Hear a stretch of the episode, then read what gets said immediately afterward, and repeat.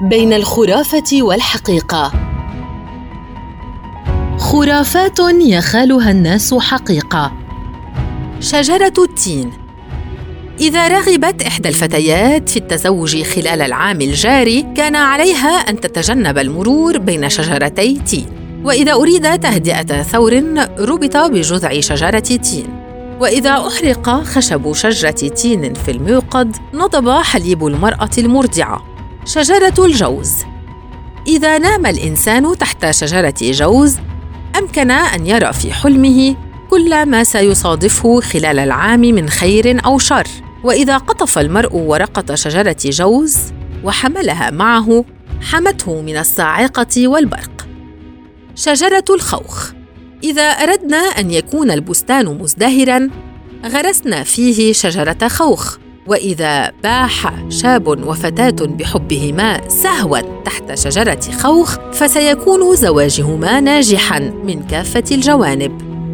شجرة الزيتون إن الزيت الذي يستخرج من الزيتون سحري، فهو قادر على زيادة حجمه بنفسه، وإذا أراد الرجل تقوية قدرته على الإنجاب شرب ملء ملعقة من زيت الزيتون كل صباح خلال تسعة أيام متوالية.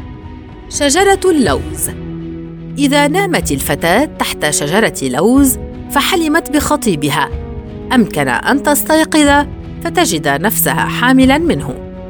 الشحرور إذا أخفينا ثلاث ريشات شحرور تحت سقف منعنا من نريد من النوم وإذا وضع قلب شحرور تحت مخدة شخص دون علمه جعله يروي كل ما أراد إخفاءه. الشرابه إذا لبس المرء شرابه حمراء لأحد البحارة ثم عانق صاحبها كانت فالا له. الشريط القماشي. كان المسنون في اليونان القديمه يحيطون رؤوسهم بشرائط قماشية وما زالت هذه الشرائط تزداد عرضا حتى تحولت سريعا إلى عصابات. وقد زينت عصابات الأغنياء بالحجارة الكريمة والطلسميه ثم ما لبثت العصابة أن تحولت إلى طوق من معدن نادر ولكن مهما كانت الحضارة المنتمية إليها هذا الشريط القديم المشهور حاليا يجعل من أحاط به جبينه عاقلا وفاضلا ومعصوما من الصداع.